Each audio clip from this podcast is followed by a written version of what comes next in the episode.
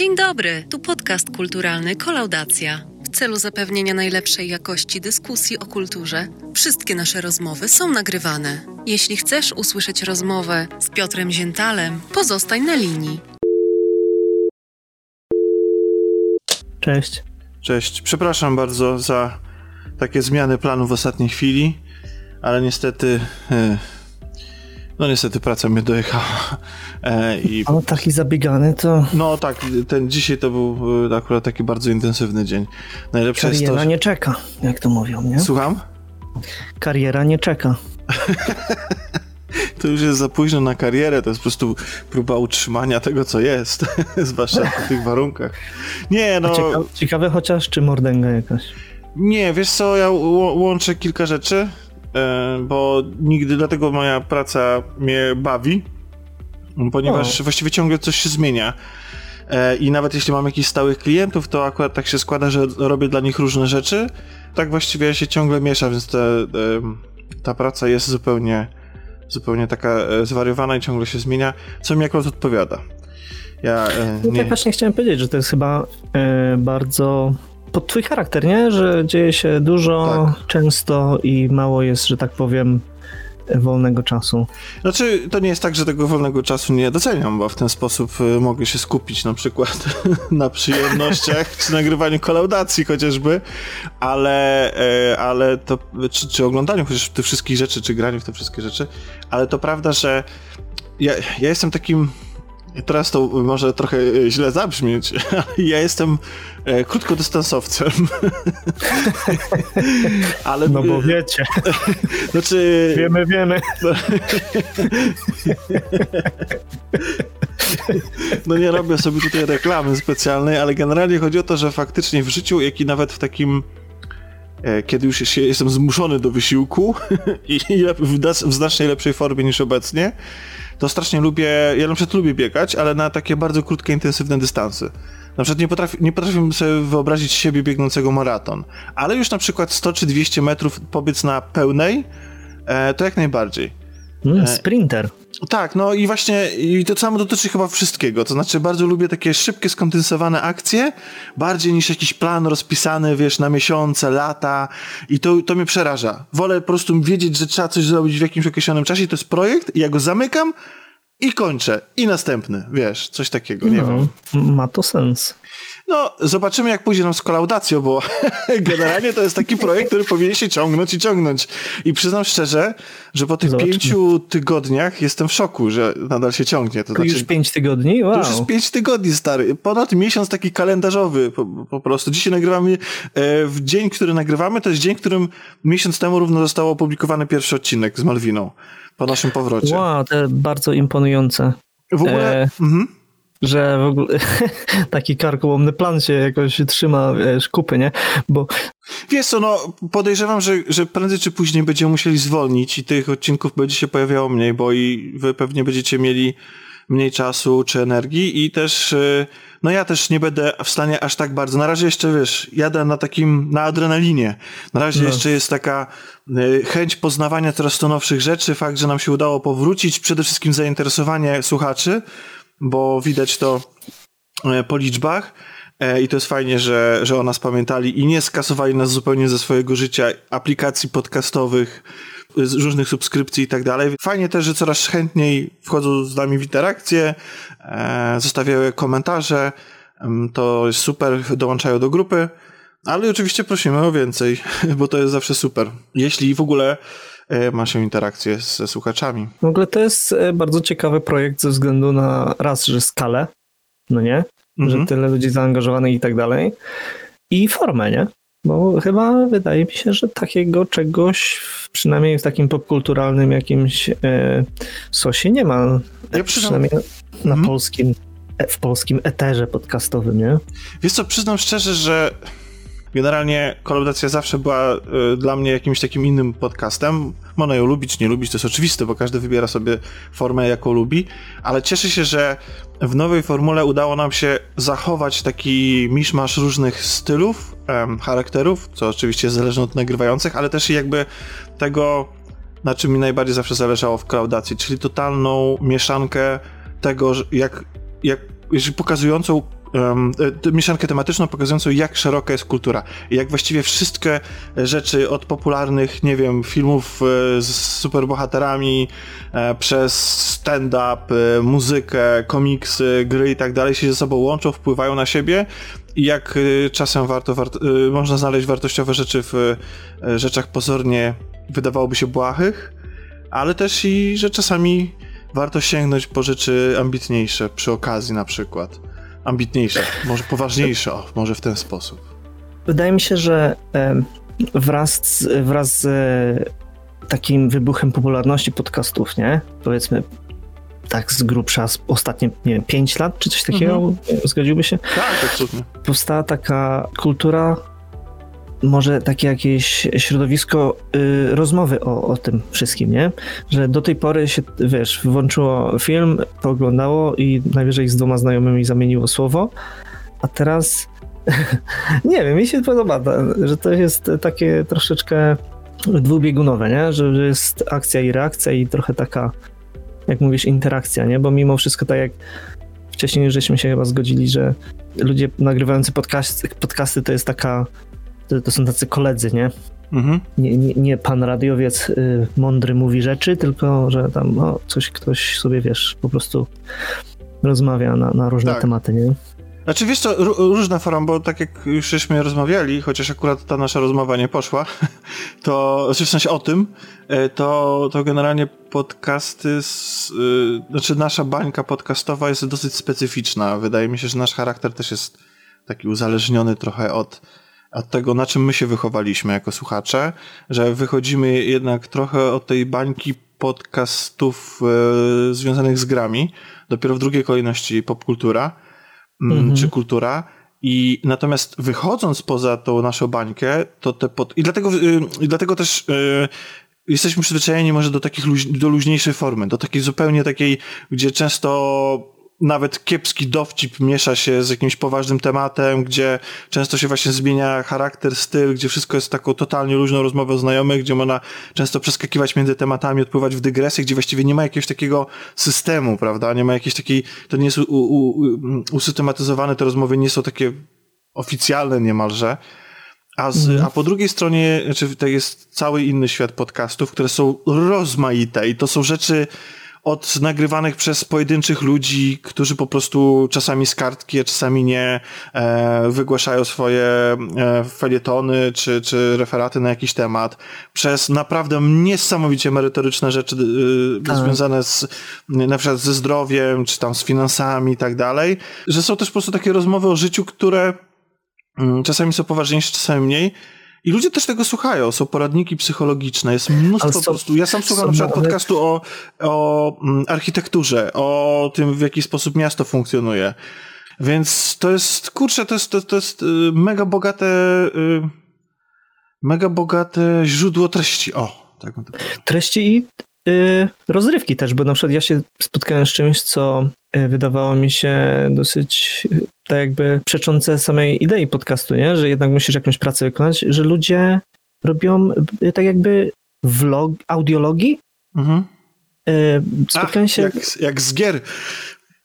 Dokładnie, że, albo na przykład w ogóle, że to jest zazwyczaj fatalnej jakości nagrywane, ale na przykład dwoje znajomych rozmawia o totalnie, wiesz, tak jak my sobie teraz gadamy, nie? Że o, wczoraj tam coś się stało, nie? I to jest totalnie takie, jak masz na przykład vlogi na YouTubie, nie? Że to nie jest ani celebryta, ani jakiś influencer, ani w ogóle tam aktor, czy jakikolwiek e, człowiek, Tylko który miałby... się swoim życiem. Dokładnie. To, to, tak jak e, zaczęła się, zaczęło się blogowanie kiedyś tam, mhm. nie? Jak ludzie zaczęli mieć dostęp do internetu, to zaczęli prowadzić swoje dzienniki, że tak A powiem. Potem się okazało, że na tym, na tych dziennikach i swoim życiu można całkiem nieźle zarobić tak. i zaczęła się zupełnie nowa epoka. Epoka, gdzie influencer, gdzie powstał zawód influencer. I w związku z tym zrobię teraz takie przejście do pierwszej pozycji, o której będziemy dzisiaj gadać. Czy zawód influencer jest wymieniony w tej książce, która po angielsku nazywa się Bullshit Jobs? Bullshit Jobs. Po polsku sprawdziłem, nazywa się Praca bez sensu. Mhm. Czy jest wymieniona na liście? Influencer, a, albo może inaczej, żeby już tutaj nie, e, nie wywoływać jakiejś wojny internetowej, to czy podcaster znajduje się na, na liście prac e, bez sensu? A więc tak, Bullshit Jobs, czyli po polsku Praca bez sensu, to jest książka pana, który się nazywa David Graeber, wydana przez, jeśli dobrze pamiętam, krytykę polityczną, wydawnictwo krytyki politycznej w Polsce. Mhm, tak. To jest e, autor niestety zmarł w zeszłym roku. Być może dotarła do słuchaczy ta wiadomość, ale to jest e, antropolog, który zajmuje się ogólnie pojętym, pojętą analizą kapitalizmu, pracy, takich spo, społecznej wartości pracy jeśli wiesz, co mi chodzi, ale w bardzo takiej nowoczesnej formie, nie? To nie jest takie, jak my to nazywamy czasem, e, nudzenie dziada z brodą, typu, wiesz, tam analiza e, Marksa po raz 18, nie? Mhm. No to akurat konkretnie jest dziad z brodą, przepraszam, bo za, no, dlatego, za takie... Wiesz, my, biali, y, biali y, socjologowie i antropologowie w tamtych czasów zazwyczaj mieli brody, także... I zazwyczaj mieli jakiś dorobek też naukowy, więc stąd no, też no. zacny wiek. Y, w każdym bądź razie to jest pan, który na przykład przynajmniej mi w pamięci utknął jako aktywista ruchu, który się nazywał Occupy Wall Street. Nie wiem, czy kojarzysz. No kurczę, tak, no to związane z kryzysem w 2008 roku. W 2008 roku duża e, krytyka. 1%, tak? Czy 99%? Night, we are the 99, tak. tak. Aktywista taki bardzo stawałoby się anty, anty po prostu kapitalistyczny, nie? Ale czekaj, przepraszam, że tak y, teraz jeszcze wrócę na chwilę do, do jego śmierci, a to znaczy, że to jest, y, to był młody autor? Tak, on umarł E, teraz, że tak powiem, nie znam jego e, biografii tak bardzo, ale powiedzmy przed 60. O, okay. On publikował w, w latach 2000, nie? Mhm, mhm. Także to jest naprawdę takie dosyć świeże pokolenie, nie? Dlatego to, o czym można przeczytać w jego książkach, bardzo się odnosi do takiej, do naszych doświadczeń. Czyli lata 90. i 2000, jak e, po prostu my jako społeczeństwo takie już postmodernistyczne y, nie wiem, organizujemy sobie życie, na przykład jeśli chodzi y, o, o pracę zawodową czy zarobkową, nie? Mhm. No i ta jego ostatnia książka przed śmiercią wydana, czyli y, właśnie Bullshit Jobs, zdawałoby się ze względu na nazwę i tak dalej, że to jest trochę taka z, z przymrużeniem oka książka, która z założenia próbuje zdefiniować i podać przyczynę i skutki istnienia takiego czegoś, takiego zjawiska, które polega na tym, że są zawody wykonywane przez ludzi zarobkowo, które przez nich samych, ale też obiektywnie przez wszystkich mogłyby być zdefiniowane jako niepotrzebne nikomu. Mhm. Także jak wspomniałeś o influencerce, akurat influencerów nie ma tam wspomnianych. Na szczęście podcasterom też się pewnie przez to To znaczy, duża część e, pierwszych rozdziałów jest poświęcona właśnie temu, po co my w ogóle pracujemy, nie? Bo kiedyś, powiedzmy sobie w czasach minionych dawno temu, ludzie pracowali, żeby na przykład, nie wiem, wyprodukować sobie jedzenie, czy tam w bardzo konkretnym celu, nie? Podczas gdy w dzisiejszych czasach, powiedzmy w XX, czy od rewolucji przemysłowej, mhm. pracujemy bo musimy na przykład zdobyć pieniądze, które potrzebne nam są do życia, nie? Czyli jest warunek posiadania pracy, żeby uczestniczyć w społeczeństwie w dzisiejszych czasach. Powiedzmy, bardzo duża większość z nas musi pracować, żeby na przykład, nie wiem, y, opłacić sobie czynsz, nie? No i dlatego, powiedzmy, w XX wieku coś, co wydaje mi się, że my szczególnie w Polsce utożsamiamy właśnie z, z tym zjawiskiem powstawania takich, e, takich właśnie stanowisk pracy, po prostu, żeby były. My, my to utożsamiamy z epoką realnego socjalizmu, nie? Rozwinięta biurokracja, każdy, tak. musi, każdy musi być zatrudniony, nie może być żadnego bezrobocia. Dokładnie, czyli jak jest na przykład jakiś proces w fabryce, który jest spokojnie mógłby być podtrzymany przez 10 ludzi, było zatrudnionych 30 ludzi, nie? Mhm. Żeby tylko statystycznie móc powiedzieć, że jest zerowe bezrobocie. I w takiej społecznej świadomości mamy to w głowie, że to jest tożsame z tym, e, z tym systemem, nie? Że po prostu jest, wiesz, no, jak to się mówi, niezoptymalizowany, A tymczasem kapitalizm dąży do totalnej optymalizacji i eliminacji wszystkich niepotrzebnych kosztów. No, jak trudno, nie trudno się domyśleć, jest odwrotnie, bo na przykład struktury, o, o czym często wspominam w tej, w tej książce, y, struktury korporacyjne, ale takie jak już masz bardzo rozgałęzioną em, hierarchię korporacyjną, bardzo przypomina na przykład biurokrację polityczną, na przykład w Związku Radzieckim, nie? E, w skrócie masz na przykład kierowników od kierowników do spraw kierownictwa, nie? Mhm. E, że mógłbyś to siąść i ścinać i ścinać te stanowiska i nic, nic by się nie stało. I na przykład przytoczone badania mówią według niego, że 37 bodajże czy 35% ludzi uważa, że ich stanowisko pracy jest zbędne, nie? Co jest według mnie ogromną liczbą. Tak. I oczywiście, wiesz, no, my z, z boku możemy powiedzieć, że y, są, są zawody, które mają i których jedynym, jedynym powodem istnienia jest zarabianie pieniędzy, nie? Na przykład ubezpieczyciele albo pożyczki jakieś takie chwilowe, nie? Które społecznie po prostu nie mają żadnego pożytku, a przynoszą obiektywnie tylko... Giełda, e, maklerzy giełdowi. Tak, i po, wszy, wszystkie e, zawody obsługujące to, czyli na przykład potem masz już prawników, nie?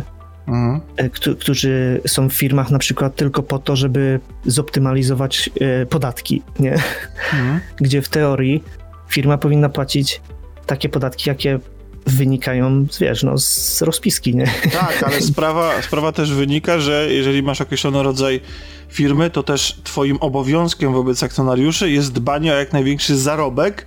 Zysk, w związku z tym płacenie podatków jest postrzegane jako coś przeciwnemu e, temu. Jako koszta. Więc, tak, jak, więc generalnie e, może to doprowadzić, często doprowadza, podejrzewam, do właśnie takiego, no, takiej konfliktu interesów, że z jednej strony e, według prawa powinieneś płacić, a z drugiej strony według tego samego prawa powinieneś starać się płacić jak najmniej. Dokładnie. I są na przykład, yy, jego, według jego definicji jest kilka takich grup tych zawodów niepotrzebnych, nazwijmy to.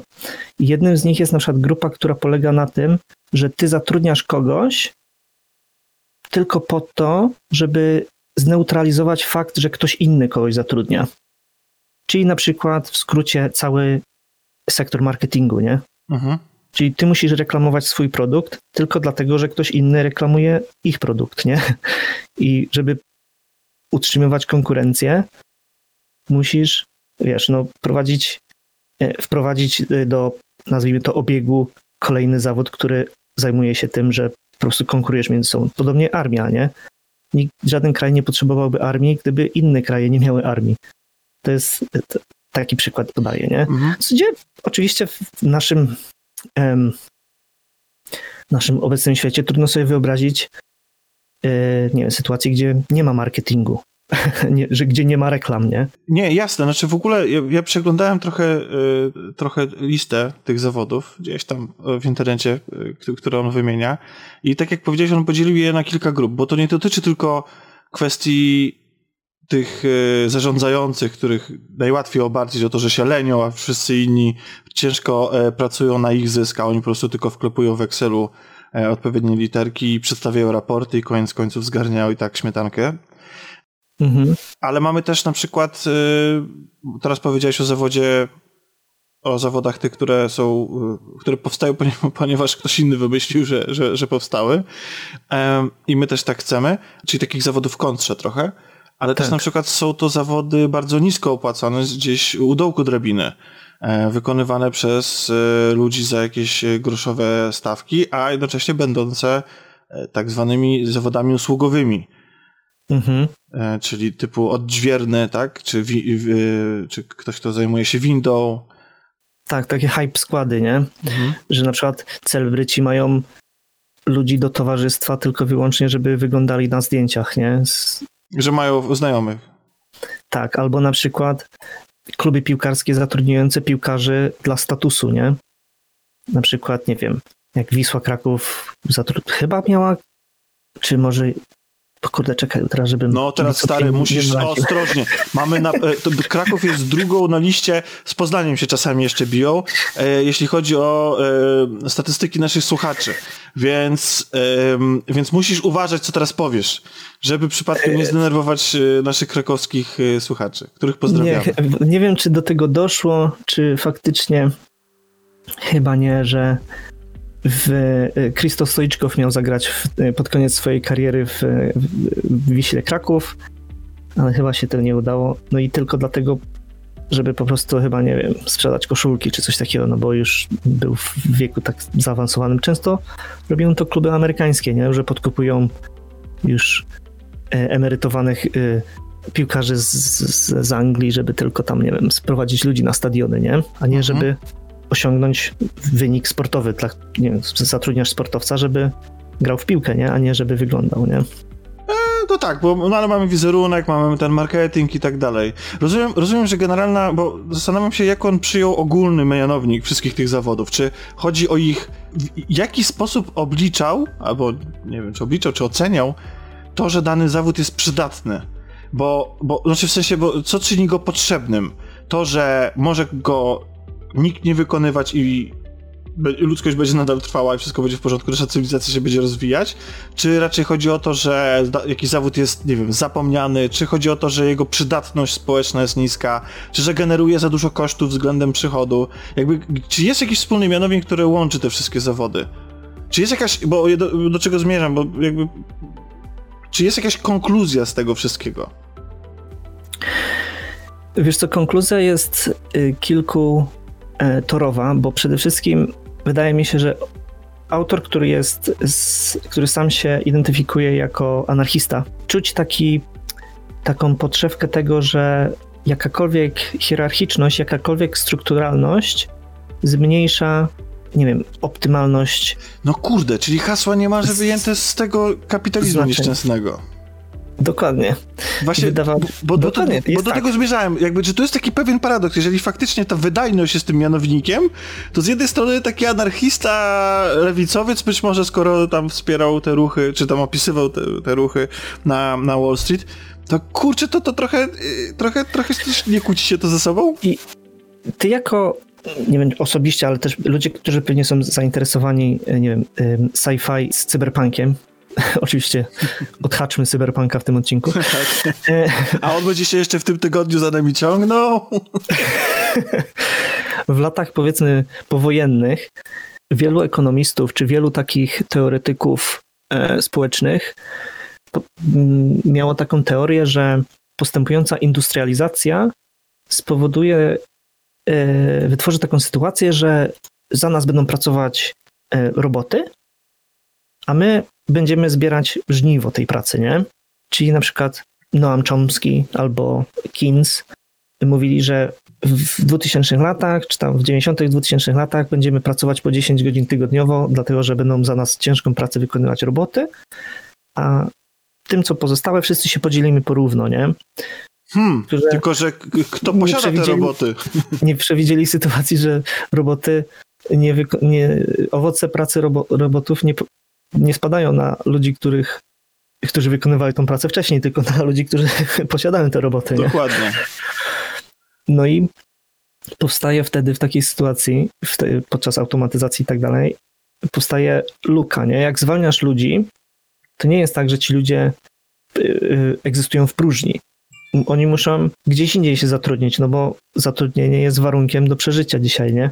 Wiesz, musisz tak. na przykład stworzyć jakiś, nie wiem, totalnie znaczy to, to, spontanicznie się chyba tworzą takie rzeczy, jakieś totalną nową gałąź rozrywki albo coś takiego. To jakiś nie wiem, no, ci ludzie gdzieś muszą się podziać po prostu, nie?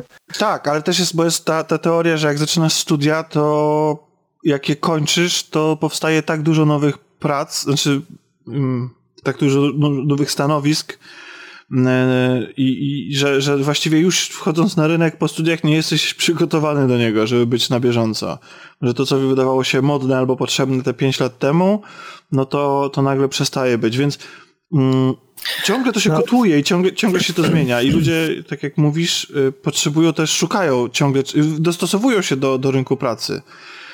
Zmieniają zmieniają branżę, ale no no, jeszcze. W każdym razie, wracając do twojego pytania o ten wspólny mianownik, co on proponuje, to wydaje mi się, że generalnie możesz się kłócić, że jeżeli jak, jakaś pozycja, pozycja zawodowa istnieje w firmie nastawionej na zysk, nie tylko, no to wiesz, no społecznie ta działalność jest mało przydatna, nie? To nie jest tak, wiesz, można od razu powiedzieć, że na przykład bardziej przydatna jest, nie wiem, e, pozycja doktora niż jakiegoś spekulanta giełdowego, nie? Mhm.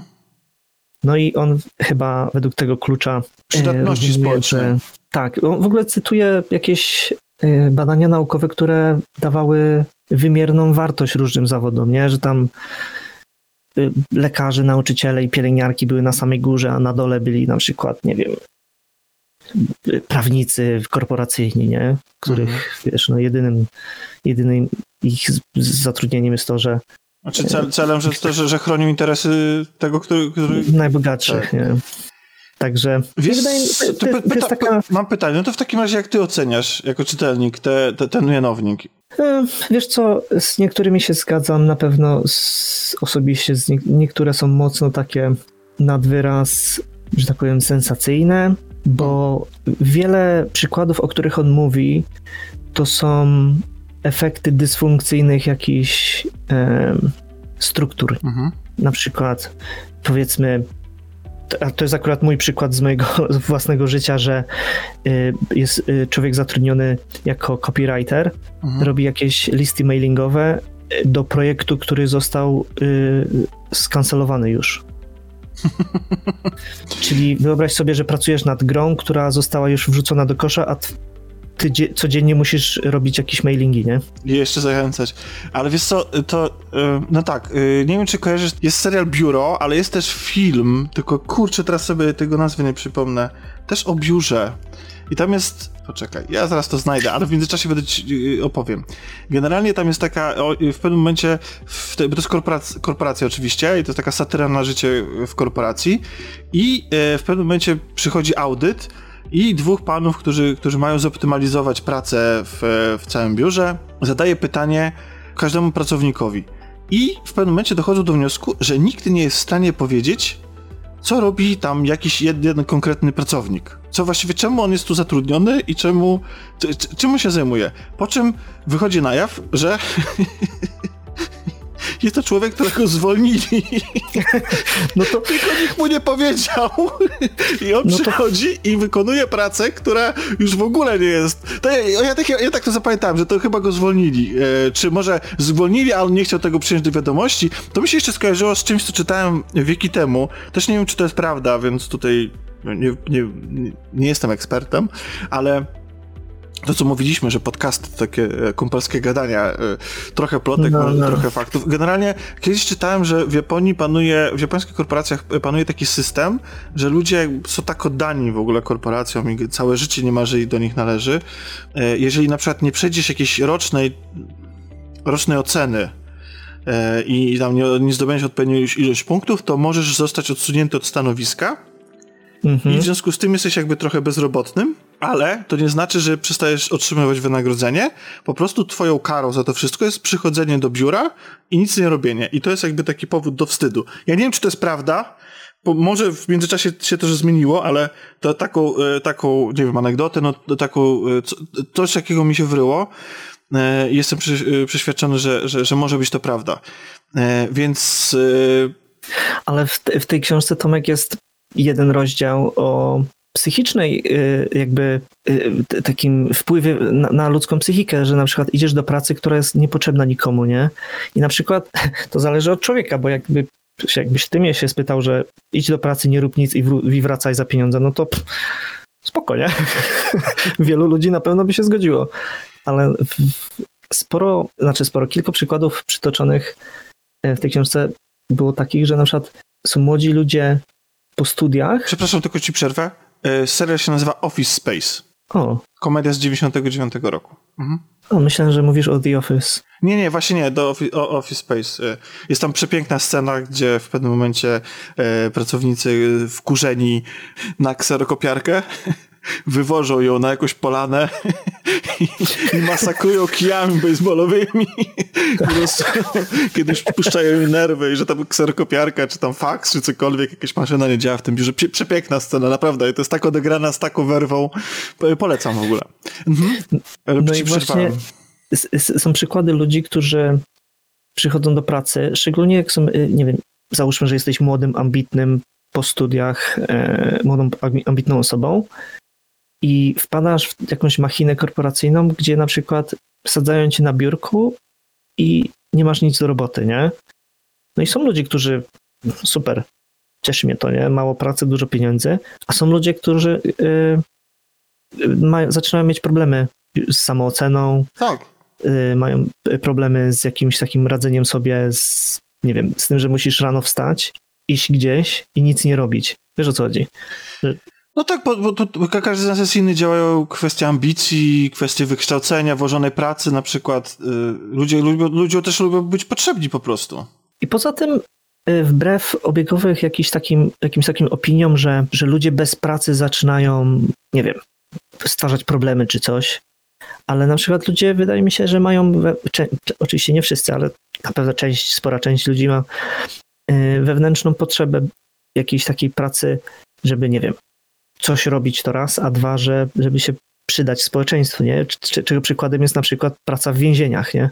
E, tak, tak. No tam jeszcze dochodzi ten, wiesz, element, znaczy nie ma przymusu pracy, przynajmniej w Polsce, więc nie można kogoś zmusić do pracy, no ale też jest takie społeczne może oczekiwanie, że jak już siedzisz w więzieniu, to płać za, za to swoje siedzenie w więzieniu, zarabia na swoje No ale masz, czy, czy pracujesz, czy nie pracujesz, będziesz miał jedzenie i wiesz, spanie, dach mhm. nad głową, a mimo wszystko ludzie e, decydują się na jakieś e, nie wiem, totalnie ciężkie i dziwaczne zawody, żeby za masakrycznie małe pieniądze, żeby tylko coś robić, nie? Innym przykładem takim jest e, robienie podcastów za darmo. to już w ogóle to jacyś totalnie frajerze Bo, może być. Wiesz, ty to nazywasz hobby, ja to nazywam hobby, w ogóle mi to sprawia przyjemność, ale to jest po prostu wartość dodana społeczeństwa, według mnie za kompletnie zero pieniędzy, nie? Także no, wiesz. No. Wiesz co, tak, znaczy. No to jest, to, to jest też, wiesz, to w jaki sposób. Yy, wiesz, bo hobby pozwala ci się realizować na polach, którym praca zawodowa ci nie, nie daje, na przykład, ale ty bardzo o tym marzysz, prawda? Więc gdzieś tam ja na przykład to za siebie mogę powiedzieć, we mnie jest dusza dziennikarza, może trochę radiowca kiedyś była. Ja nie mam oczywiście takich warunków ani głosowych, ani lingwistycznych, żebym, żebym mógł e, kiedykolwiek startować na taką pozycję, e, ale już taki podcast e, myślę, że pewne niedostatki jest w stanie przyjąć jako forma.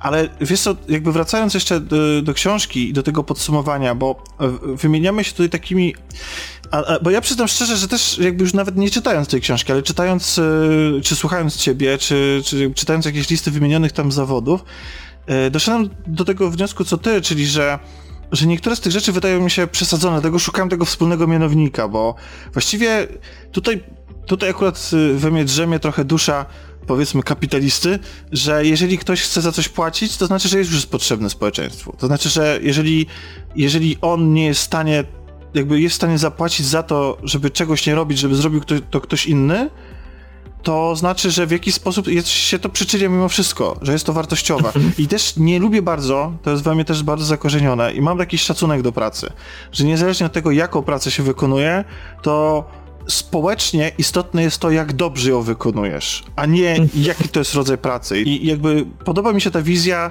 tego szacunku. Oczywiście ona też jest y, w takich systemach, jak na przykład podejrzewam w Stanach Zjednoczonych i tym kapitalizmie wykorzystywana do, przez kapitalistów do tego, żeby, żeby, żeby wykorzystywać po prostu swoich pracowników, ale generalnie podoba mi się ta wizja, że każda praca jest potrzebna. Mm, znaczy, o, o Boże, poza tymi pracami, które są po prostu ewidentnie społecznie szkodliwe, które no, znaczy, tu są dwie, dwa punkty mojej krytyki wobec tego. Tej publikacji. Wobec, wobec tego. I w ogóle e, Grabera jako takiego od zawsze miałem e, takie wrażenie, że on trochę patrzy z góry nie? Zresztą on chyba jest y, y, akurat w tej, w tej książce taki samokrytyczny, bo on w pewnym momencie mówi, że wielu ludzi uznałoby zawód antropologa jako bullshit job, nie? bo on, wiesz, tylko siedzi i ten. Ocenia. Ale z drugiej strony z, z czym ja się osobiście zgadzam, jeżeli ty spędzasz czas na bogaceniu siebie, nie? Jeśli czytasz książki, jeśli, nie wiem, uczysz się czegoś, albo nawet, nie wiem, relaksujesz się, czy coś takiego, to według mnie to jest wartość dodana do społeczeństwa, nie? Bo czemu nie? Jesteś tak, bo, bo jesteś jednostką, która to później może oddać w jakiś sposób, prawda? Tak, a drugim tym punktem krytyki jest to, że o wielu sytuacjach, o których on mówi, tak jak już wcześniej wspomniałem, to są wyniki po prostu niedopatrzeń i patologii, nie? Że nikt tego nie projektuje w sposób taki, jaki jest. Czyli system tak, wypaczenia nie.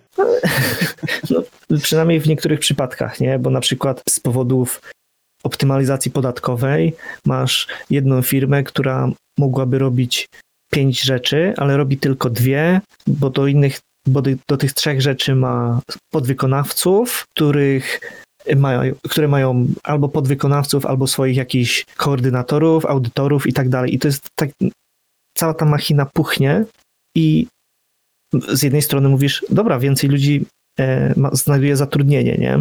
I wtedy wchodzi e, ten e, taki kapitalista, a nawet libertarianin, który by to wszystko zoptymalizował, wyrzucił ludzi na bruk i tak dalej, no ale jak wcześniej wspomnieliśmy, w kapitalizmie jednak to nie jest dobra sytuacja, gdzie ludzie lądują na bruku, bo no po prostu masz dużą część społeczeństwa, która znajduje się w wiesz, takiej nie wiem, dziurze zatrudnieniowej, nie? że muszą znaleźć sobie coś nowego. Tak, bo właśnie, bo, bo wszystko się zmienia, ewoluuje, nagle się okazuje, że są całe zawody likwidowane, całe piony w firmach, plus no, e, no no tak wiesz, jakby sam fakt, że, że, że, że mimo wszystko można zastąpić ludźmi, no ale co z tymi ludźmi zrobić, tak? W sensie, jakby, jeżeli stworzyliśmy system, który opiera się na pieniądzu, na wymianie pieniądza, na tym, że żeby cokolwiek zrobić, musi za wszystko zapłacić, mhm. e, no to ci ludzie muszą skądś te pieniądze wziąć. E, na, Dlatego na, mhm. taką konkluzją, zresztą to jest taka książka otwarta, nie? To jest bardziej po to, żeby samemu sobie um, przemyśleć pewne jakieś sytuacje i mieć, nie wiem, wypracować sobie swoje zdanie na, na, na te tematy, nie? Ale pod koniec w zamykających rozdziałach wspomina na przykład, że warto by się zastanowić nad czymś, co się nazywa uniwersalny dochód, dochód podstawowy.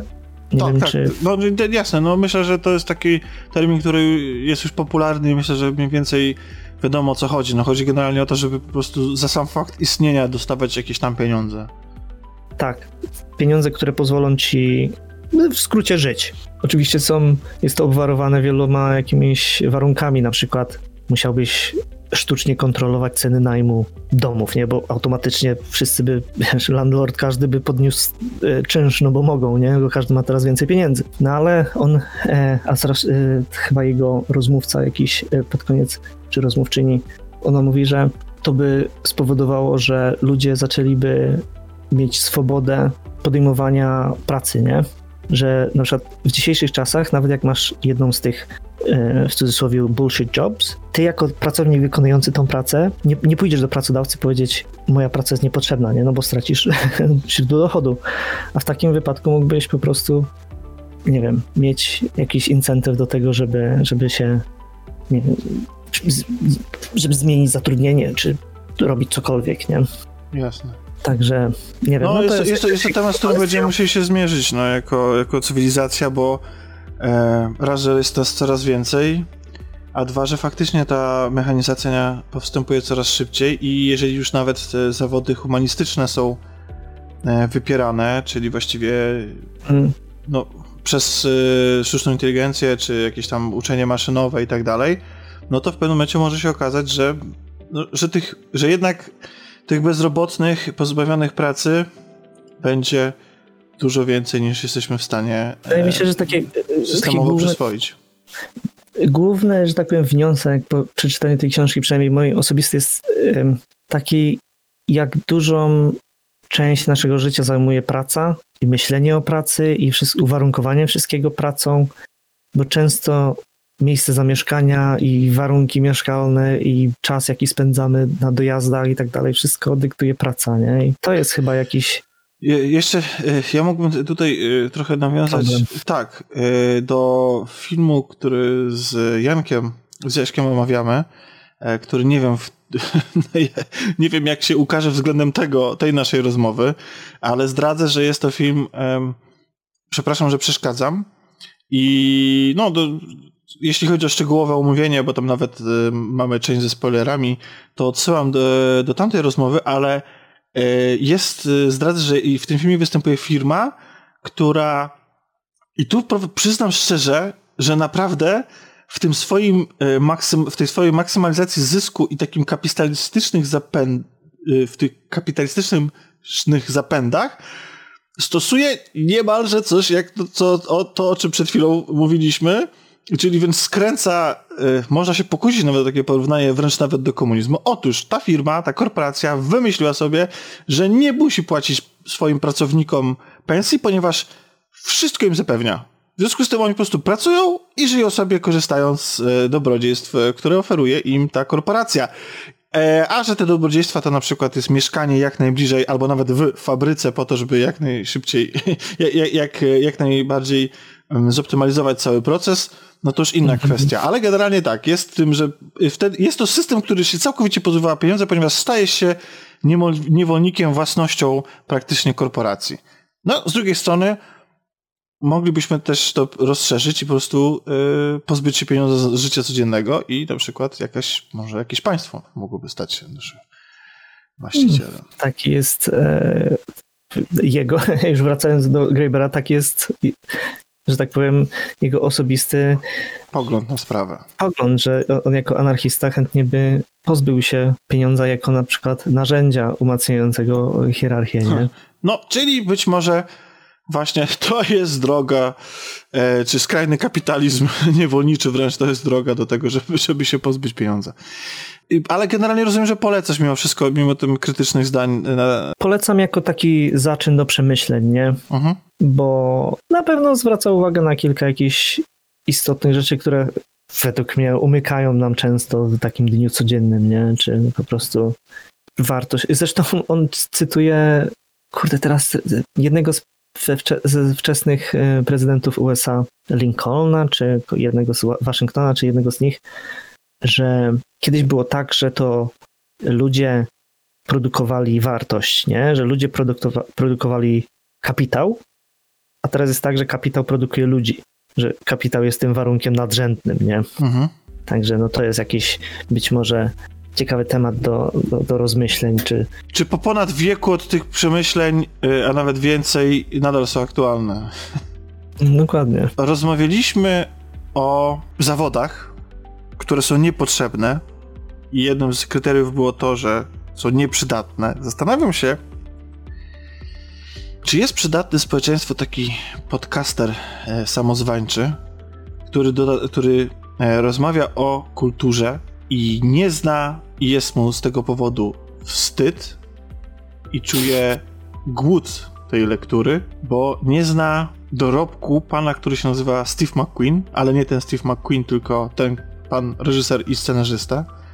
I jest mi wybitnie głupio, że tego nie znam. To znaczy, nie widziałem nawet tego Oscarowego filmu Zniewolony, czy Wyzwolony, Zniewolony, e, czyli 12... Zniewolony. Tak, Zniewolony. Nawet tego filmu nie widziałem, choć wiem, że panuje opinia, że jest on z, taki najbardziej mainstreamowy i zrealizowany pod y, Oscary, taki naj, naj, najbanalniejszy z, y, ze wszystk- z całego dorobku tego twórcy. Wiem, że mm. dużo bardziej cenione są jego późniejsze dzieła mm, i, i, i też ich nie widziałem. I jest mi autentycznie, y, przysięgam, jest mi wstyd, zamierzam natychmiast nadrobić te braki, jeśli chodzi o, o tego pana, ponieważ e, odpaliłem sobie pierwszy odcinek e, serialu, o którym e, będziemy sobie rozmawiać. I swoją drogą bardzo, jakby bardzo ciekawego projektu, który w ogóle w życiu bym nie pomyślał, że e, serial może się składać z pięciu odcinków, gdzie jeden odcinek może trwać ponad dwie godziny. e, więc jest, jest, jest, nie, nie serial raczej, tylko antologia, nie? Taka antologia, tak. E, e, który, który można obejrzeć na HBO w Polsce, a który chyba BBC wyprodukowało, jeśli, jeśli dobrze pamiętam. I ten pierwszy odcinek, którego nawet nie zdążyłem e, obejrzeć do końca, ale nie dlatego, że mi się nie podobał, tylko właśnie dlatego, że jestem, no, niesamowicie mnie pochłonął i jestem pełen e, uznania do tego, co już widziałem e, i jestem ciekawy, czy e, reszta też trzyma taki poziom. A mówimy o serialu, który nazywa się Mały Topór w Polsce. O, Sorry. koty! Przyszła pogadać. No i dobrze, niech, niech, niech powie, no, jakby... W oryginale Small Axe jak już wspomniałeś, cała inicjatywa wyszła od Steve'a McQueena, jest dyrektorem, nie, dyrektorem, Jezu. Ale... Reżyserem. Jak to się mówi po polsku? jak, nie, jak tam w Polsce mówicie? No, um, tak, reżyserem i chyba do każdego z tych e, pięciu e, filmów napisał albo współnapisał scenariusz. Tak, tak było. No i Small Axe to jest, tak jak już wspomniałeś, e, pięć filmów, cztery z nich są, teraz musisz mi przypomnieć, czy godzinny film to jest krótki metraż, czy jeszcze nie krótki metraż, czy jaki? E, to zależy. Znaczy to jest, e, hmm, no to jest taki 40-60 to, to jest taki metraż e, krótki powiedzmy. Bo większość z nich to są tak, to są dalej trzy akty, nie? Tylko krótkie. No, jasne. W każdym razie to jest um, pięć filmów Wszystkie są historyczne, na takiej zasadzie, że akcja dzieje się od 60. lat, najpóźniej chyba do 80.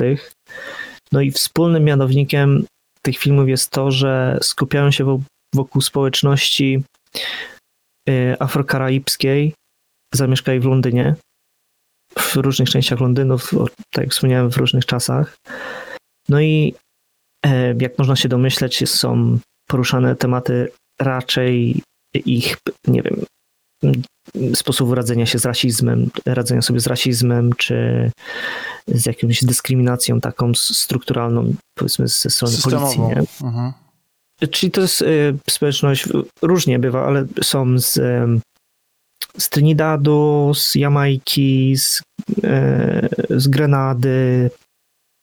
Często w ogóle to Y, się pojawia, że na przykład między sobą ludzie, którzy są już urodzeni w, tutaj w Anglii, y, ze sobą tak jakby konkurują, że jedni mówią, że jamańskie jedzenie jest lepsze niż z Trinidadu. Nie?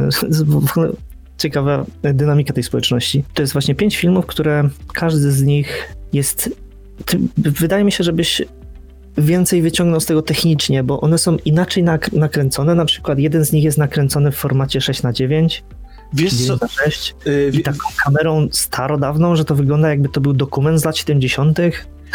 Wiesz co, yy, przez przypadek, ponieważ z jakiegoś powodu ostatnio moja apka w telewizorze nie wyrabia i się czasami wiesza, musiałem ją zresetować w trakcie oglądania właśnie, dlatego też nie zdążyłem całego obejrzeć przed naszym nagraniem. Yy, przez przypadek po zresetowaniu apki odpaliłem sobie ostatni odcinek, piąty. Po prostu tak y, no, niechcący. I słuchaj, i tak absolutnie widać różnicę. Y, róż, totalnie widać różnicę w fakturze obrazu. Więc, więc y, tych, tych różnic jest jeszcze więcej, więc w ogóle też ciekawa sprawa, że forma się tak zmienia.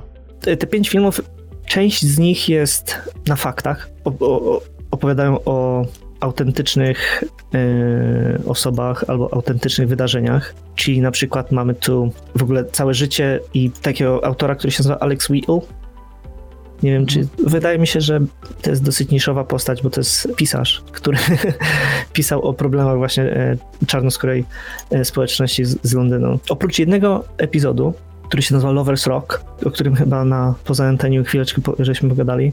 I to jest normalnie według mnie jedyny tutaj film, który ma taki ciepły przekaz, bo nie ma co ukrywać, reszta jest po prostu taką, takim, kurczę, jakbym to powiedział, takim strzałem w pysk dla nas, e, jako trochę takich e, ludzi niezainteresowanych z grubsza tą społecznością i na, nas jako Polaków nigdy nie dotyczyły wiesz problemy. Co, bo, wiesz co, bo ja to w ogóle też myślałem, żeby od tego zacząć, że ym, kwestie związane z rasizmem z, albo z problemami mniejszości imigranckiej, e, czarnoskórej, e, kojarzą się oczywiście ze Stanami Zjednoc Zjednoczonymi, e, może, znaczy nie może, ale też z Francją. Ale kurczę, przyznam szczerze, że e, nigdy jakoś instynktownie nie postrzegałem Wielkiej Brytanii, Anglii jako kraju, który, w którym ten rasizm systemowy zwłaszcza, to co widać, to co widać w pierwszym odcinku, jest tak, był tak, czy lub jest, bo serial opowiada o historycznych wydarzeniach, tak, tak rozwinięty i właściwie tak niesamowicie przesiąknięty, że tak niesamowicie przesiąknięte były z nim struktury na przykład policji. Bo przyznam szczerze, że to nawet w tym, w tym pierwszym odcinku, kiedy widzimy, to jest, nie wiem, 64 czy coś takiego, 67 rok, e, ten rasizm nawet nie wynika z jakiejś, on, on wynika z czystej nienawiści. Tam, tam jakby ludzie, którzy ewidentnie, ci policjanci, którzy ewidentnie, nie wiem, robią najazdy na, jakby bezpodstawne zupełnie na mieszkania mhm. i na, na sklepy, na restauracje, nękają głównego bohatera akurat, znaczy, tak myślę, że to jest główny bohater e, tej, e, tej, tej akurat noweli, e, chociaż dwugodzinna to, to nie nowela, no ale akurat tego pierwszego filmu, on się nazywa...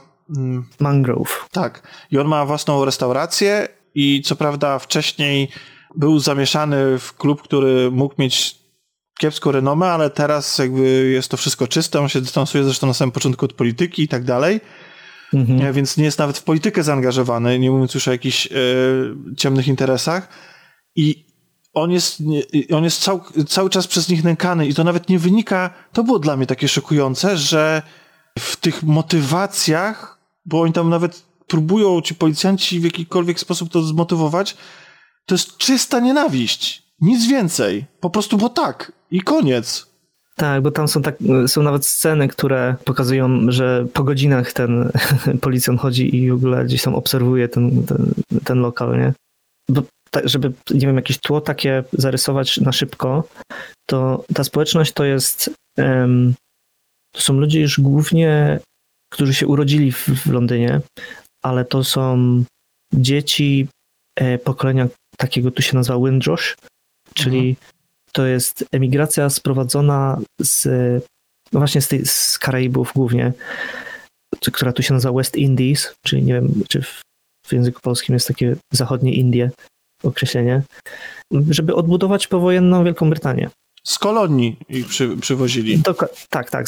To są e, państwa kolonialne, czyli właśnie Jamajka, Trinidad i tak dalej. Czyli tak samo jak we Francji, tak samo jak trochę wcześniej, podobnie w, w Stanach Zjednoczonych czy Portugalii, nie? że państwa kolonialne sprowadzają, e, sprowadzają tanią siłę roboczą z, ze swoich kolonii. Nie? Mhm. No i oczywiście po kilkudziesięciu latach masz sytuację, w której te społeczności są zamknięte i, że tak powiem, są w takiej spirali, e, gdzie edukacja jest zaprojektowana nie dla nich, nie?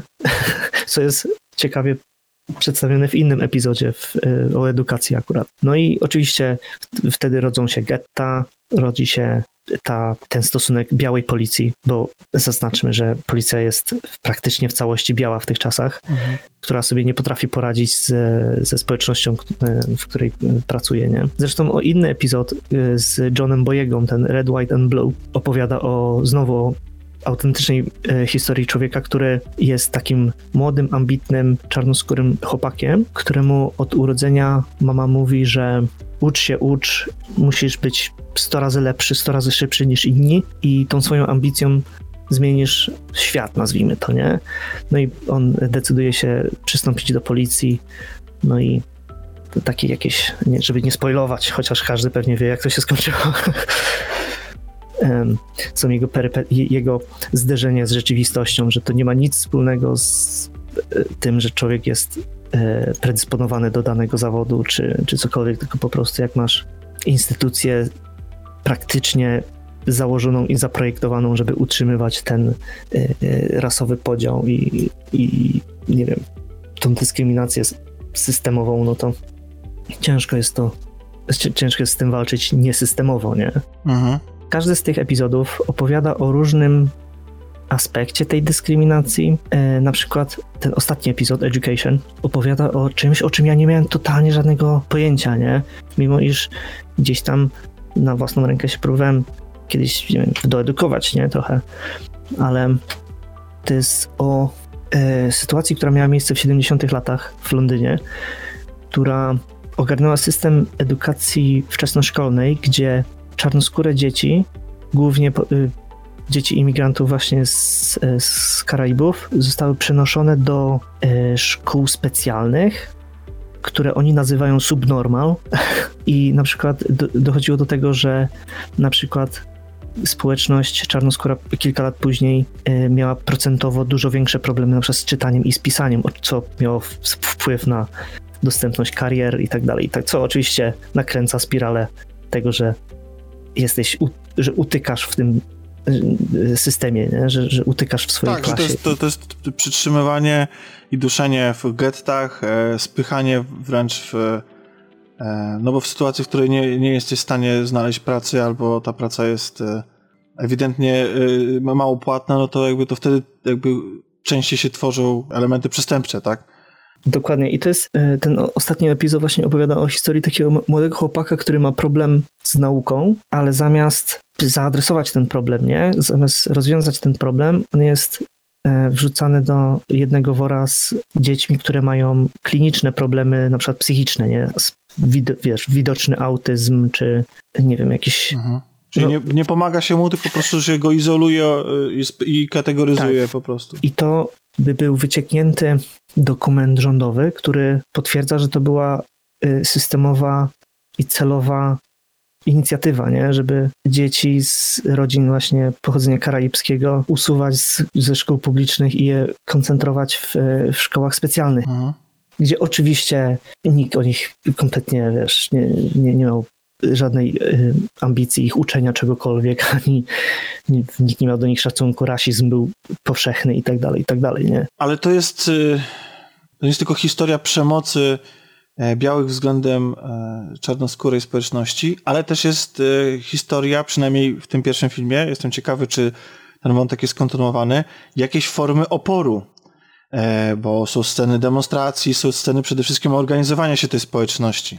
Jest, zdaje się, że jeśli dobrze zrozumiałem, jest e, zaproszona przez e, tutejszą społeczność, czy raczej konkretnych pracowników, członkini Czarnych Panter, zdaje się, tak, ze, Stan ze Stanów Zjednoczonych. Czy ja dobrze to no, zrozumiałem? Znaczy nie, no, Czarne Pantery działały normalnie w Londynie też, A, nie? okej, okay, bo mi się kojarzy z, z, ze Stanami, I, ale okej. Okay. Ich działalność, działalność taka związkowa była dość, dość powszechna wśród imigrantów e, kolorowych, nie? Mhm. E, no właśnie, no. ona i ta, ta, ta, ta członkini Czarnych Panter w jakiś sposób próbuje ich zaktywizować, wpłynąć też na przykład właśnie na głównego bohatera tego pierwszego filmu, który stroni od e, polityki, a, a wszyscy roztaczają przed nim Mm, taką wizję, że on właściwie jest idealnym kandydatem na przywódcę i oczekują od niego, żeby w końcu przestał się izolować yy, i żeby aktywnie zaczął brać udział w polityce. Wziął jakby, żeby zrozumiał swoje powołanie i, i wziął na barki po prostu ciężar tego, tego zadania. Tak. No i ten, ten, czy to jest ten, jakieś rozwijane? Czy, czy, czy jego historię poznajemy, czy ona jest ciągnięta dalej, czy urywa się na tym jednym tak, filmie? Tak, tak. I, y- i, czy, i, czy, czy późniejsze jakieś formy sprzeciwu, protestu, jakieś walki też są pokazane? Nie, on, on jest y, tylko w tym filmie, bo każdy epizod ma swoją, swoją grupę bohaterów, a ten pierwszy, ten Mangrove, y, to jest faktyczna opowieść o faktycznej grupie, która się nazywa Mangrove Nine. Opowiada ten, ten film o ich procesie głównie i o tym, jak to był chyba pierwszy taki precedens, że czarnoskóra społeczność była w sądzie i stawiała aktywny opór prawny wobec y, brutalności policji. Mhm. Nie? To, to, jest, to jest taki dość słynny, słynny proces, który rozpoczął na przykład reformy w policji, jakieś tam powolne i nie wiem, reprezentację czarnych, czarnoskórych y, ludzi jako obrońców w sądzie, nie? No i tak, in, inne epizody też zahaczają o ten temat, nie? No bo jak jesteś w, w społeczności opresjonowanej, no to chcesz, chcąc, nie, nie chcąc na mniejszą czy większą skalę, jakiś, jakieś tarcia i jakiś protest zawsze musi się, nie wiem, okazać, nie? Mhm. Ale jeszcze chciałbym właśnie wspomnieć o tym, o moim ukochanym tym epizodzie z, tym, z tych wszystkich, o których wspomniałem wcześniej. Czyli tym ciepłym. Czyli, czyli Lover's Rock, który nie skupia się głównie, tak, może w malutkim procencie na rasizmie i tak dalej, ale jest to historia jednej nocy, e, czyli to jest taka bardzo minimalistyczna, minimalistyczny projekt, gdzie, gdzie jest impreza domowa, która, które były bardzo popularne w tamtych czasach, bo czarnoskórym Prze ludziom... Przepraszam, że żartuję, ale w czasach przed pandemią? Taki suchar, przepraszam, ale w tamtych czasach, kiedy ludzie jeszcze mieli domówki. To są 80 lata, czyli trochę czasu przed pandemią. Po prostu czarni ludzie byli e, niechętnie wpuszczani do klubów i organizowali sobie własne imprezy, własne tak zwane sound systemy, gdzie grali sobie dub albo reggae i był MC, który do mikrofonu trzaskał i to wszystko było w domu. Mhm. I za małą opłatą się tam wchodziło i po prostu cały ten film pokazuje historię dwóch dziewczyn, dwóch młodych dziewczyn, które się wymykają z domu i idą na tą imprezę i praktycznie przez całe 60 parę minut e, jest muzyka, są długie fragmenty, gdzie są grane fenomenalne kawałki w ogóle z tamtych czasów, nie?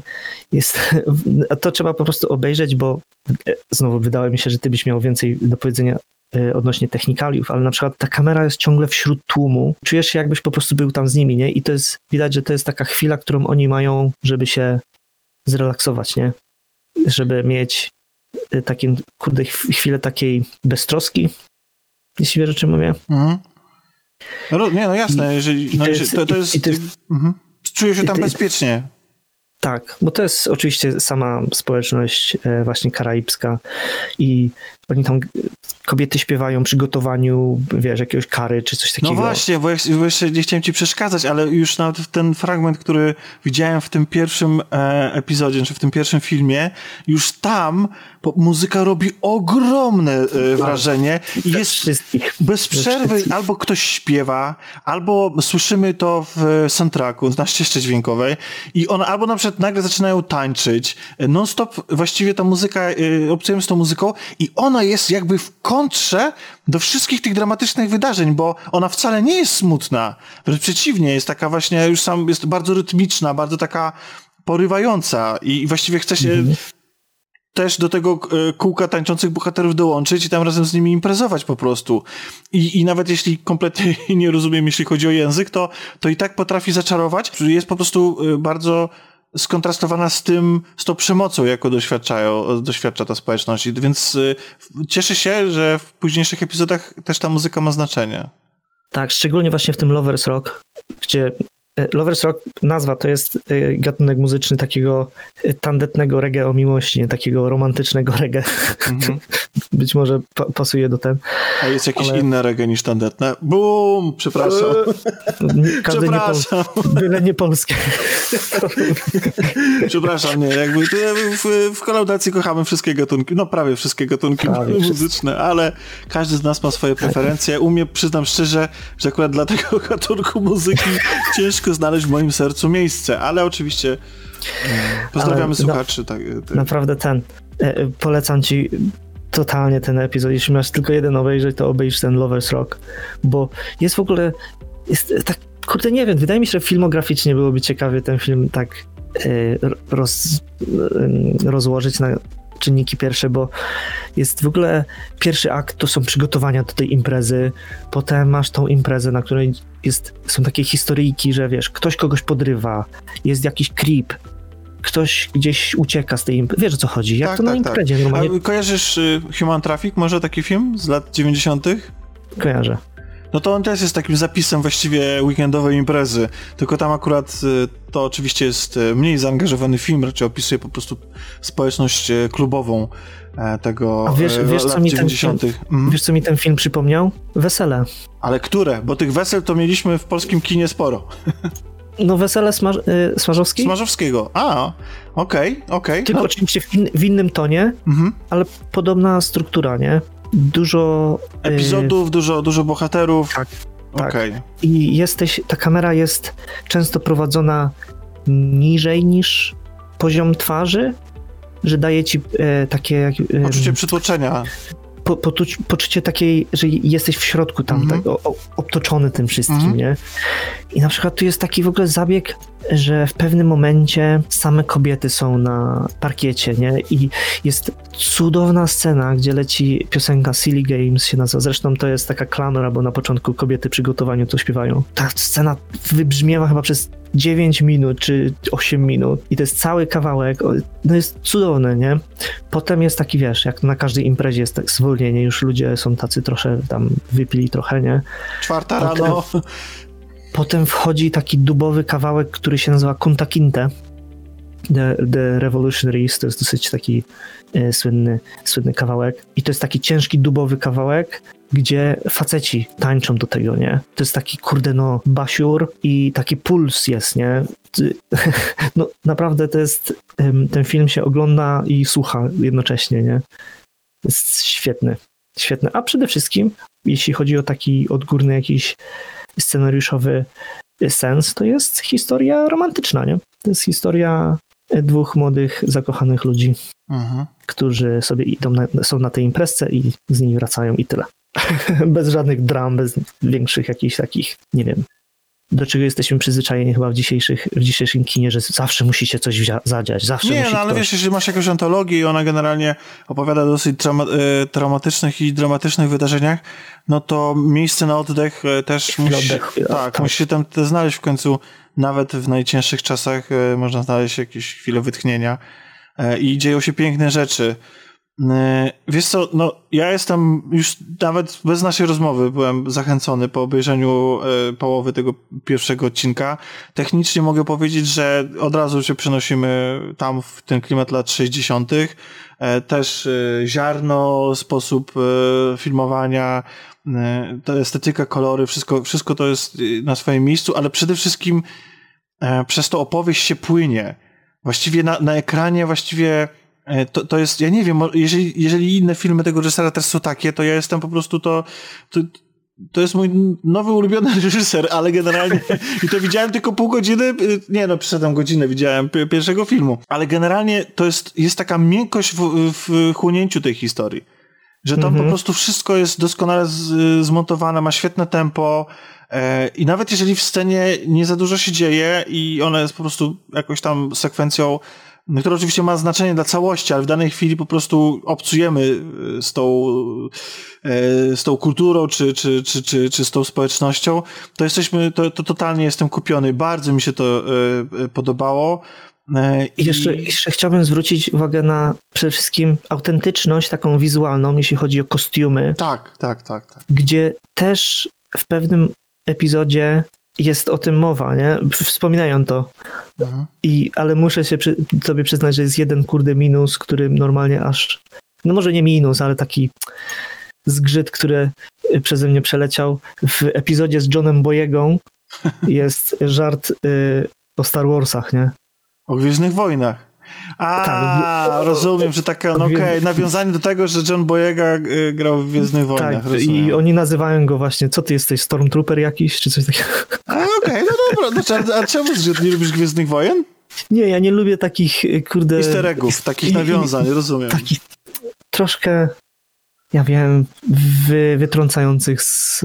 No, no nie wiem. No rozumiem, łamanie jest... czwartej ściany, takie mrugnięcie tak, tak. okiem do widza, rozumiem, rozumiem, rozumiem. No akurat ja Zresztą jest... ciekawe, bo John Boyega gra tego czarnego, który się zatrudnia w policji, nie? No to Stormtrooper tego, nie? Także... Okay. No tak. Na pewno to jest jakaś dodatkowa, nie wiem, wartość dodana, nie? Mhm. No, jest, no i no. Mhm. ostatnia rzecz, o której chciałem powiedzieć, to jest jeśli ktoś ma jakiekolwiek zainteresowanie odnośnie lingwistyki, no to tu jest w siódmym niebie, nie? Rodzaje przeróżnych akcentów, od twardych, starsi ludzie mówią praktycznie niezrozumiałym dla, normal, dla naszego ucha e, jamańskim akcentem. Młodzi ludzie mówią inaczej z różnych części Londynu mówią inaczej. Jest jeden epizod o chłopaku, który przyjeżdża spoza Londynu i on mówi inaczej i to jest też komentowane w filmie, bo sam Steve McQueen jest częścią tej społeczności, nie? On pochodzi y, właśnie z... On się chyba urodził w Londynie, ale też pochodzi, jest, jest na pewno synem imigrantów i wydaje mi się, że takie serce jest w to włożone, żeby ten tak, film... Tak, to się czuje. To się czuje, że, że to są, że to jest życie i, i muszę przyznać też, że to jest trochę przykre, że to jest życie. To znaczy, e, jakby to powiedzieć tak cynicznie trochę zabrzmi teraz, ale filmów o rasizmie jest e, bardzo dużo powstało. Zresztą sam twórca tego serialu, tej antologii, sam popełnił taki, który nawet e, dostał nagrody. Moim zdaniem ich jest i tak ciągle niewystarczająco. To znaczy, ja tu, jakby żyjąc tutaj w Polsce, nie doświadczamy tego w, w, najmniejszym stopniu takim, jak to, się, e, jak to się dzieje e, za granicą, jak to się dzieje w Anglii, tak jakby, czy w Stanach Zjednoczonych, Francji i tak dalej. mm, nie ma, nie ma u nas takiego, no chcę przynajmniej w to wierzyć. Ja nie zauważyłem systemowego rasizmu, który by dyskryminował ze względu na kolor skóry, e, pochodzenie ten problem w Polsce tak bardzo być może wydaje się, może się wydawać niektórym, że jest, że jest zbyt często poruszany, albo że jest go za dużo, albo, ale próbując zrozumieć to, co się dzieje, chociażby w samej kulturze, zawężając to tylko do kultury, do tego, to wszystko leży, odpowiedź wszystko leży w tych filmach, gdzie większość z nich opowiada prawdziwe historie. To, to, to, to, nie są, to nie są rzeczy zmyślone, to nie są pokoloryzowane, to są rzeczy, to są, to są historie ludzi, którzy nie mogli wchodzić frontem do sklepu, którzy musieli wchodzić oddzielnym wyjściem, korzystać z oddzielnych toalet, którzy, e, których spotyka przemoc na każdym kroku, którzy nie mogli się pojawiać po zmroku w, jakieś, w jakimś miejscu. Ludzi, którzy przez całe wieki, przez, przez wiele lat z ich perspektywy to całe wieki pokolenia byli sprowadzani do, do, do niższej kategorii i, i prześladowani. I to się dzieje nadal. To jest, to jest tak mm. zakorzenione, tak przesiąknięte. Jakby najlepszym tego przykładem dla mnie jest film, czy serial y, 7 sekund, który zaczyna się od, y, od potrącenia przez policjanta. Omawialiśmy go zresztą na, na kolaudacji w zamieszłych czasach.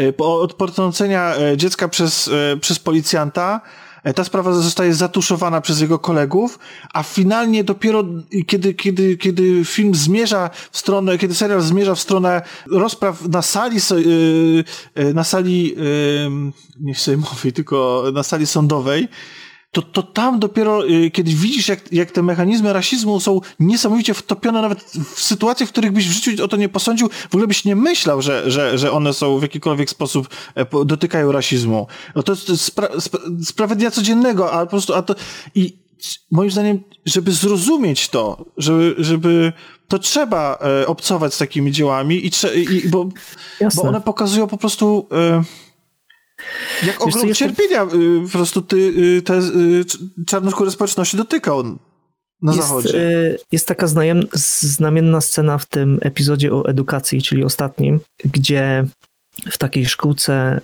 sobotniej, gdzie się spotykają właśnie dzieci czarnoskóre, jest taka niby na luzie rozmowa o historii, o, o czarnej historii, nie? Black History. I tam jedna dziewczynka mówi, że wiesz, no pani pyta, kto, kim są twoi przodkowie, nie?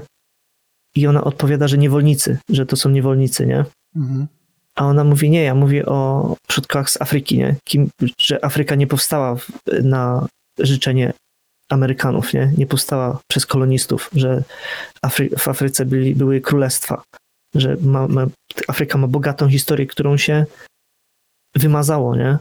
Tak, bo y, nakreśliło się y, prostą linią terytoria.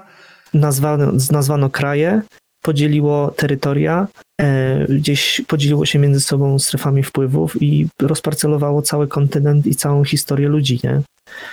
I na przykład mówisz o tym systemowym rasizmie, który nas, tak jak wspomniałeś, no, kulturowo nie dotyczy w dużej mierze, ale jak się człowiek zaczyna próbować dokształcić na własną rękę, to dochodzi do to jest tak absurdalnie głęboko zakorzenione, że na przykład są statystyki, które mówią, że jak dzwonisz po pogotowie, to jak jesteś biały, to nie wiem, tam o 30% szybciej przyjeżdża karetka pogotowia, nie? Albo y, umieralność dzieci przy porodzie y, czarnych kobiet jest wyższa niż białych, nie?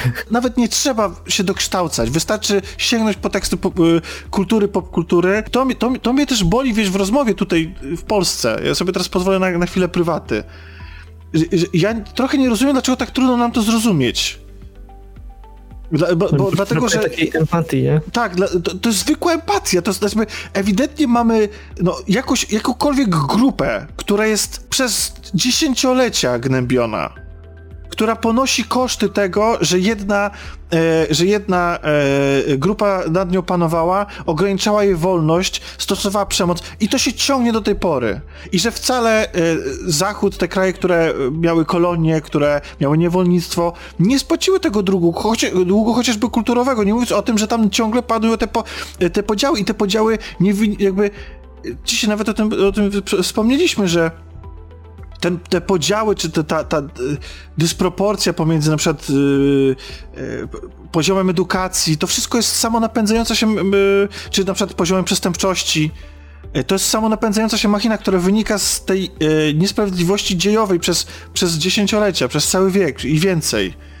I, i kurczę, Ale, i, i, i, i, jakby to nie jest, to, nikt nie oskarża Pola, Polaka Kowalskiego mieszkającego gdzieś tam e, po prostu w Polsce, że on jest rasistą e, i że on powinien za to odpowiadać, e, bo, bo on nawet nie miał możliwości być tym rasistą, w sensie, no nie miał, jakby nie jest temu winien, bo nie, nawet nie został wystawiony na taką próbę. Ale to nie znaczy, żeby nie próbować zrozumieć. Yy, jasne, znaczy wiem do czego. Przepraszam, bo ja teraz wpadłem w słowotok. No. już, ci, już ci dam do głosu, ale rozumiem, co chciałeś powiedzieć. Że chciałeś powiedzieć, że. Znaczy, nas to czeka, dlatego że coraz, Polska się staje coraz bardziej multikulturowa. Globalna. Mhm, globalna i. W, wiesz, co chciałem tylko słowo powiedzieć na ten temat, że to, o czym wspomniałeś, że yy, jest taki częsty widok, że nie wiem, tak mówisz, że jakiś czarny aktor został, e, czarnoskóry aktor został zatrudniony do e, roli, która do tej pory była portretowana przez białych. E, to jest w ogóle absurdalne, że ludzie na przykład uważają, że fikcja, jakiś komiks, czy książka, czy, czy, czy proza, czy coś ma jakąś wartość samą w sobie historyczną, że postać musi być biała w niej albo, albo nie. I na przykład jak się ogląda takie filmy, jak właśnie ten Small Axe i się spojrzy trochę na taki drugi plan i sobie wyobrazi, że jakieś dziecko dorasta w latach 60. czy 70., nie? I każdy lekarz, każdy yy, nauczyciel, policjant, poseł, yy, prawnik jest biały, a czarni są tylko zwijani do, wiesz, do suki, albo pro, muszą protestować, albo są, wiesz, robotnikami jakimiś. Że właściwie cały świat jest przeciwko tobie. Każda instytucja jest przeciwko no to tobie. jesteś y, w głowie podczas kształcenia się swojego charakteru, jesteś, normalizacja jest taka, że no, to jest moja rola w tym społeczeństwie, nie? Że jestem, wiesz, no kurde, w telewizji nie mam, nie ma czarnych ludzi. Czarni, czarnoskórzy nie są bohaterami filmów. Więc no, to jest A jak są, to tylko tych, którzy sobie sami czarnoskórzy sami sobie zrobią. I dlatego, żeby to odwrócić, albo w ogóle jakąkolwiek reakcję, robi się różne rzeczy. Masz tą całą akcję afirmacyjną na amerykańskich, czy miałeś, czy nie wiem, na amerykańskich e, uniwersytetach, nie? Żeby gdzieś zastymulować przyjmowanie uczniów mhm. z, z mniejszości jakichś etnicznych, nie? Oczywiście wszystko, co w RPA się działo, to jest w ogóle kompletnie inna par kaloszy, nie? Ale no, to jest po prostu, mi się wydaje, potrzebne, nie? Czy chcemy tego, czy nie? Kurde, no, generalnie powinniśmy dążyć do... My, my nawet z bardzo taki, takiego homogenicznego kraju, nie, jak z polskim, wydaje mi się, że to nas ubogaca, nie? Że po prostu my nie mamy być może okazji obcowania z tym na, na to nie, co dzień, to nie jest problem, ulicy, który, który nas bezpośrednio dotyczy. Mm. To być może musimy to zobaczyć na ekranie telewizora, żeby mieć jakąkolwiek e, okazję do refleksji na ten temat, nie? No tak, tak. Także... Jasne, no i... To jest, i to za, za, wiesz, no, rozpoczynasz rozmowę na ten temat na, nie wiem, sprowokowany filmem o rasizmie, a kończysz tak naprawdę, bo to jest uniwersalny problem. To nie dotyczy czarnych ludzi, tylko to jest. E, to możesz przetłumaczyć na język homofobii, ksenofobii, czy jakiegokolwiek innego. E, Prześladowania. Wiesz, dokładnie. I jakiejś takiej segregacji nie wiem, klasowej na przykład, nie? Znaczy każdy uciskany w jakiś sposób grupy i, i powinniśmy dążyć do, do, tej, do tego jakby do równoważenia, przede wszystkim do tego, żeby te podziały jak najbardziej zniknęły i że system do tej pory nie działał, bo te podziały nie znikały, więc może warto spróbować czegokolwiek nowego, co w żaden sposób przecież nie podważa dorobku białego człowieka. Moim zdaniem warto sięgnąć po takie dzieła, nawet jeżeli wydaje nam się, że wierzymy i wiemy wszystko na temat rasizmu, i że, e, że ten temat wydaje nam się, nie wiem, nudny albo że już przerobiony wielokrotnie, to dla mnie niesamowicie zawsze wstrząsające jest to, kiedy widzę to, to zobrazowanie e, tej nienawiści e, wobec kogokolwiek i, i jakby na podstawie prawdziwych wydarzeń. Więc to, to, to, jest, to jeszcze bardziej uderza, kiedy sobie człowiek zdaje, że nie tak da- sprawę z tego, że nie tak dawno temu, a niektóre z tych mechanizmów działają do dzisiaj, coś takiego funkcjonuje. No. A przecież nie mamy żadnego znaczenia, kim się rodzimy. i gdzie. Dokładnie. I na to wpływu żadnego. Ale mamy za to wpływ na to, co oglądamy, co słuchamy. Pewnie. Trochę się rozgadaliśmy. Tak, nawet bardzo. E, ale jeszcze myślę, że kolanem gdzieś tam, jakimś takim skokiem. Myślę, że e, nie wiem jak to. Nie wiem jak zrobić przejście, wiesz co. Bo, Dlaczego? E, do, do ostatniego tematu, który miałeś na liście. O kurde, to ja miałem jakiś ostatni jeszcze? No Super Mario chciałeś tutaj mi wcisnąć. A, to po prostu chciałem powiedzieć, żeby ludzie grali w Super Mario 3D World plus Bowser's Fury. Czyli, e, czyli port e, 3D World, e, przetłumaczę na polski, 3D World, e, Mario 3, 3D Świat, 3D Świat, e, który ukazał się na Wii U, a teraz został sportowany na Switcha, ale z dodatkiem dosyć istotnym, ponieważ z zupełnie nową grą, bo to nawet nie są nowe poziomy do 3D World, tylko, zupełnie, tylko na silniku e, Mario Odyssey powstał dodatek DLC. To w ogóle coś dziwne, że to się nie ukazało w pakiecie z Odyseją, tylko że zostało dołączone do 3D e, World. Tak, to nie ma żadnego z, związku z, z tą drugą grą. I w ogóle im mniej się o tej o tym tytule mówi, tym lepiej, bo bardzo tam jest dużo rzeczy zaskakujących, także jeśli komuś było mało... Mario, chcesz? Nie, nie można spoilerować? Co za czasy w ogóle? nie tyle, że spoilerować. Tak, wyobraź sobie, że ktoś ci na przykład y, powiedział, co się dzieje w każdej planszy w Odyssey, nie? Że o, jest dinozaur, któremu możesz założyć czapkę i nim chodzisz, nie? No, walisz, walisz się chyba samemu przekonać. W każdym bądź razie, jeśli kto, komuś jest mało Mario w wydaniu 3D, takim otwartym, tam jest nawet taki pseudo-otwarty świat, można powiedzieć, nie? No tak, tam e, są huby takie, no tak, tak, tak, to jest tak zrobione na, na e, takich e, w zasadzie hubów, takich mini otwartych światów, które mm -hmm. bo mówimy teraz o Odyssey i jak rozumiem Bowser, tak?